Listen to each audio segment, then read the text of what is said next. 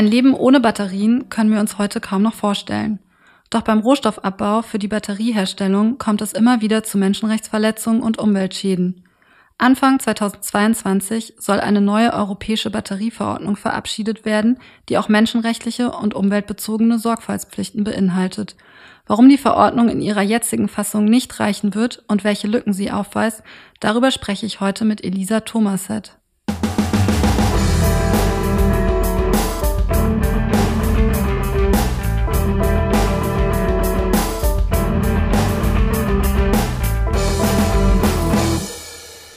Hallo und herzlich willkommen zu Kompass Weltwirtschaft. Mein Name ist Vanessa Fischer, ich bin Pressereferentin bei PowerShift und freue mich ganz besonders, dass ihr heute eingeschaltet habt. In unserem Podcast sprechen wir regelmäßig über zentrale Probleme unserer ungerechten Weltwirtschaft. PowerShift ist eine deutsche Nichtregierungsorganisation mit Sitz in Berlin und wir setzen uns ein für eine sozial und ökologisch gerechtere Weltwirtschaft. An dieser Stelle nochmal ein ganz herzliches Dankeschön an alle, die unsere Arbeit mit ihrer Spende unterstützen. Ohne euch wäre das alles gar nicht möglich. Falls ihr Fragen habt oder auch Anregungen und Kritik, schreibt uns gerne eine E-Mail an podcast at power-shift.de. Ja, heute spreche ich, wie gerade schon angekündigt, mit Elisa Thomaset. Hallo Elisa. Hallo Vanessa, danke für die Einladung. Elisa, du arbeitest im Rohstoffteam von PowerShift und hast dich in den letzten Wochen vor allem mit den Problemen, die beim Rohstoffabbau entstehen und den Mängeln der Batterieverordnung beschäftigt. Bevor wir dazu kommen, würde ich dir aber gerne noch eine persönliche Frage stellen. Und zwar kannst du dich noch daran erinnern, wie du zu diesem Thema gekommen bist? Ja, daran erinnere ich mich tatsächlich noch sehr gut. Ich habe 2014, 15 für ein Jahr in Chile gelebt und war damals unter anderem auch in der Atacama-Wüste im Norden des Landes, wo ein Großteil des metallischen Bergbaus in Chile stattfindet. Dabei handelt es sich um eine Region im Andenhochland, die als eine der trockensten Wüsten der Welt gilt. Und die hat mich auch direkt mit ihren Salzseen, den zugefrorenen Lagunen und der ja sehr kargen und für mich irgendwie total unbekannten Landschaft verzaubert. Und dann zu sehen, wie der Bergbau, vor allem Kupfer und Lithium, also zwei wichtige Rohstoffe in der Batterieherstellung, wie dadurch die empfindliche und auch wenig erforschten Ökosysteme zerstört werden, das hat mich sehr getroffen. Danke, Elisa, für diesen persönlichen Einblick. Ja, über Batterien wollen wir auch heute sprechen. Könntest du vielleicht noch einmal kurz erklären, was die Batterieverordnung eigentlich ist und worum es dabei genau geht? Ja, gerne. Die EU hat im Rahmen des europäischen Green Deals beschlossen, die alte Batterierichtlinie von 2006 zu erneuern. Und zwar gab es in den vergangenen 15 Jahren viele technologische Innovationen und neuere Modelle wie die Lithium-Ionen-Batterien. Und die waren dementsprechend gar nicht in der Richtlinie mit eingeschlossen. Der Entwurf für die neue Batterieverordnung zielt nun darauf ab, Batterien in Europa entlang der gesamten Lieferkette sogar bis hin zur Wiederverwertung nachhaltig zu machen. Das klingt jetzt erstmal recht positiv. Du kennst ja auch den Entwurf. Sind da irgendwelche bindenden Standards vorgesehen oder wie genau sollen diese Ziele umgesetzt werden? Hm, also genau, der Entwurf sieht tatsächlich allgemeingültige und bindende Standards für Batterien vor. Unter anderem in Bezug auf menschenrechtliche und umweltbezogene Sorgfaltspflichten, aber auch zum Beispiel in Bezug auf Recycling. Auch das klingt eigentlich ganz gut. Vor allem Recycling wird ja vor dem Hintergrund, dass unser Bedarf an Batterien in den kommenden Jahren noch enorm ansteigen wird, immer mehr an Relevanz gewinnen. Trotzdem sagst du und sagt ja auch PowerShift, dass diese novellierte Batterieverordnung weiterhin Lücken aufweist.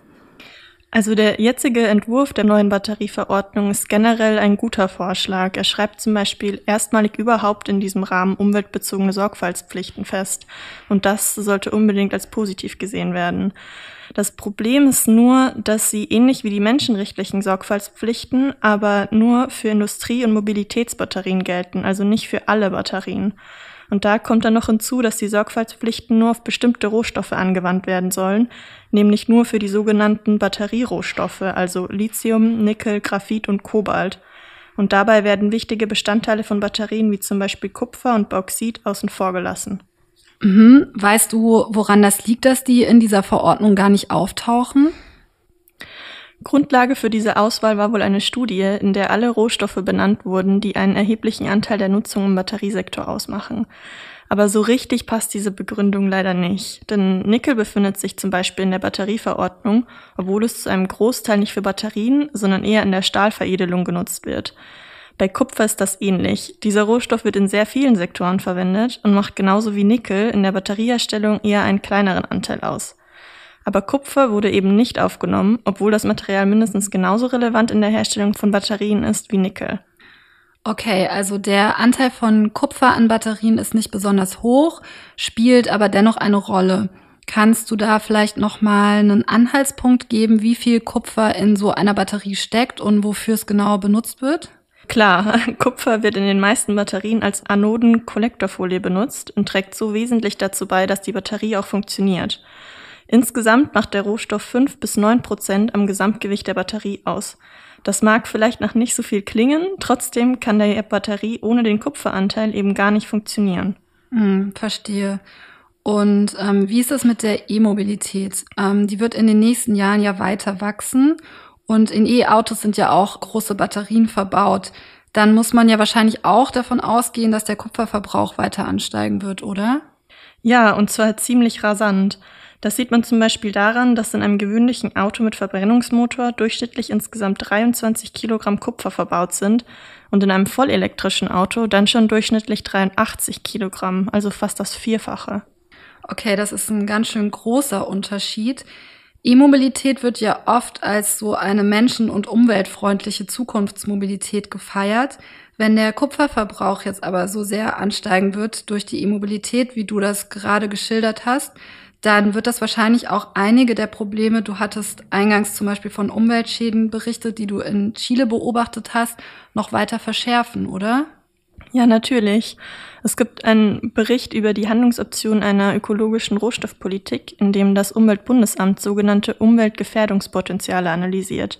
Und anhand derer können mögliche Risikofaktoren für Umweltschäden in drei Stufen gemessen werden. Bei Kupfer wird keiner der acht Faktoren für unbedenklich bewertet und fünf von acht, darunter zum Beispiel der Einsatz von chemischen Hilfsstoffen, der Wasserstressindex oder das Risiko für saure Grubenwässer, werden sogar mit einem besonders hohen Gefährdungspotenzial eingestuft. Dieser Bericht des Umweltbundesamtes sagt also sehr klar, dass das Gefährdungspotenzial beim Kupferabbau sehr hoch ist. Wie sieht das denn in der Praxis aus? Du hast gerade vom Wasserstressindex und dem Risiko für saure Grubenwässer gesprochen. Könntest du das anhand eines konkreten Beispiels vielleicht nochmal genauer erklären? Gerne, vielleicht diesmal mit einem anderen Beispiel als Chile, und zwar mit Peru. Das ist nämlich neben Chile einer der größten Kupferproduzenten der Welt. Die Auswirkungen des Bergbaus treffen dort besonders indigene Gemeinden und Bäuerinnen, die in unmittelbarer Umgebung der Minen wohnen und arbeiten. Dabei spielt vor allem der enorme Wasserverbrauch im Kupferbergbau eine entscheidende Rolle. Und zwar wird zur Herstellung von Kupferkonzentrat aus den umliegenden Seen und Flüssen, aber auch aus den Grundwasserreservoiren sehr viel Wasser entnommen. Und hier kommt dann der sogenannte Wasserstressindex ins Spiel. Bei einer Nutzung von über 20 Prozent der vorhandenen Wasserquellen spricht man von Wasserstress. In einer so trockenen Region wie dem Andenhochland in Peru kann dieser Wasserstress halt dazu führen, dass die Quellen versiegen oder durch das hohe Salzvorkommen in den Anden versalzen. Hm, verstehe. Und wie sieht das mit den sauren Grubenwässern aus? Die hattest du auch gerade noch genannt. Also es ist so, dass bei der Verarbeitung von Kupfer auch verschiedene Chemikalien eingesetzt werden, die die Umgebung zusätzlich noch verseuchen. Beispielsweise Cyanid, was bei falscher Anwendung hochgiftig sein kann. Zwar versuchen wir die Minenbetreiber schon, die giftigen Abfallstoffe in Rückhaltebecken aufzufangen, aber es kommt einfach immer wieder zu Unfällen und der verseuchte Schlamm dringt in die angrenzenden Böden und Gewässer ein. Das ist das, was sich hinter diesem sperrigen Namen saure Grubenwasser verbirgt. So geschehen ist das ja zum Beispiel in Mexiko bei der Buena Vista del Cobre Mine.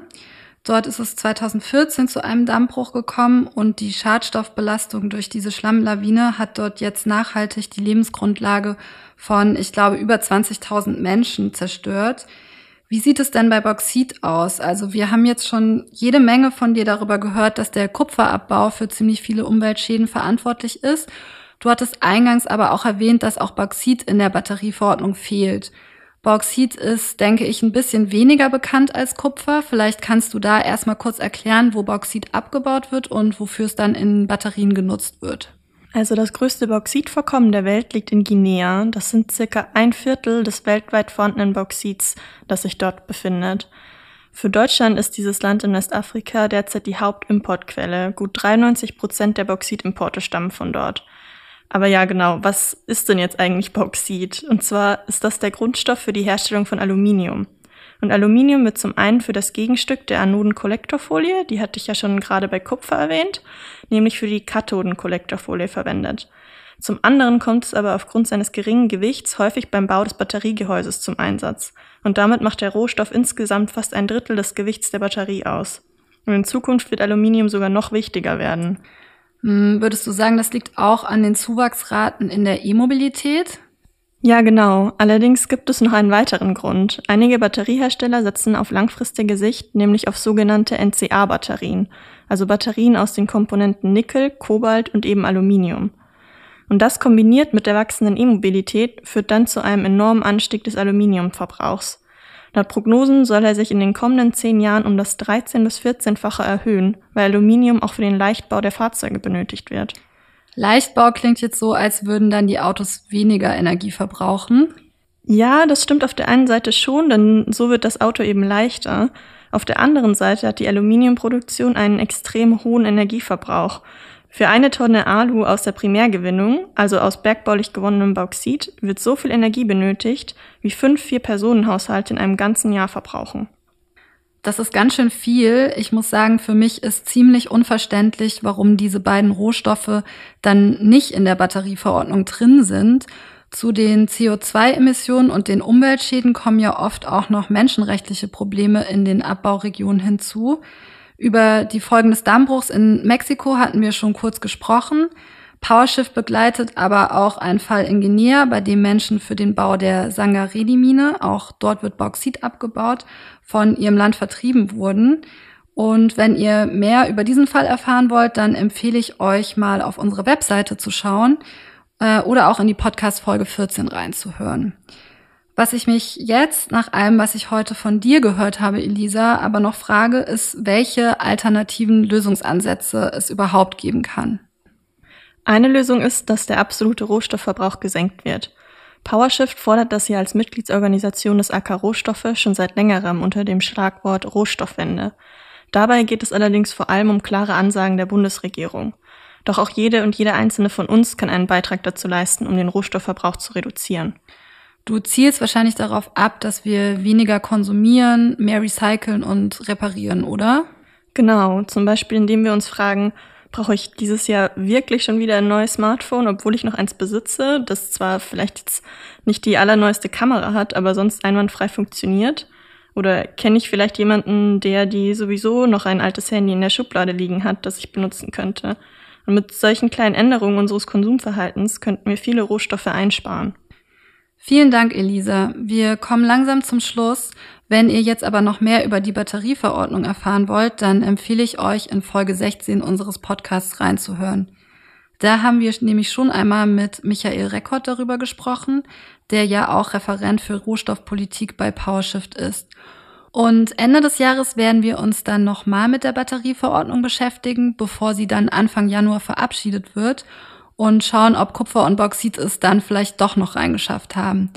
Ich würde mich sehr freuen, wenn ihr dann wieder reinhört und dir, Elisa, vielen, vielen Dank, dass du heute hier warst. Vielen Dank dir für die Einladung, Vanessa.